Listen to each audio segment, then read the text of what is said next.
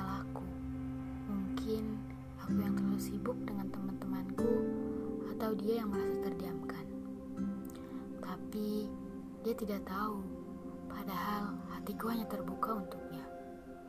Aku tidak pernah menyangka kita akan sejauh ini.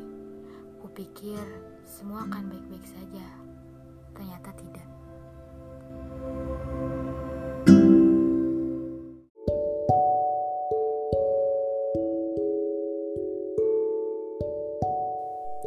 Sekarang dia meninggalkanku, lalu dia dengan sahabatku. Aku tahu mungkin sahabatku memang lebih dariku, terutama soal fisik. Aku jujur, aku kalah jika soal itu. Tapi aku selalu bersyukur karena Allah menciptakan manusia dengan bentuk yang paling baik. Jadi aku tidak boleh insecure.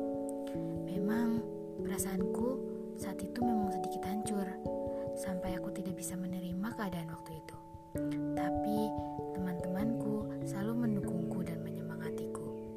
Aku tidak tahu perasaan sahabatku seperti apa waktu itu. Yang jelas, aku sangat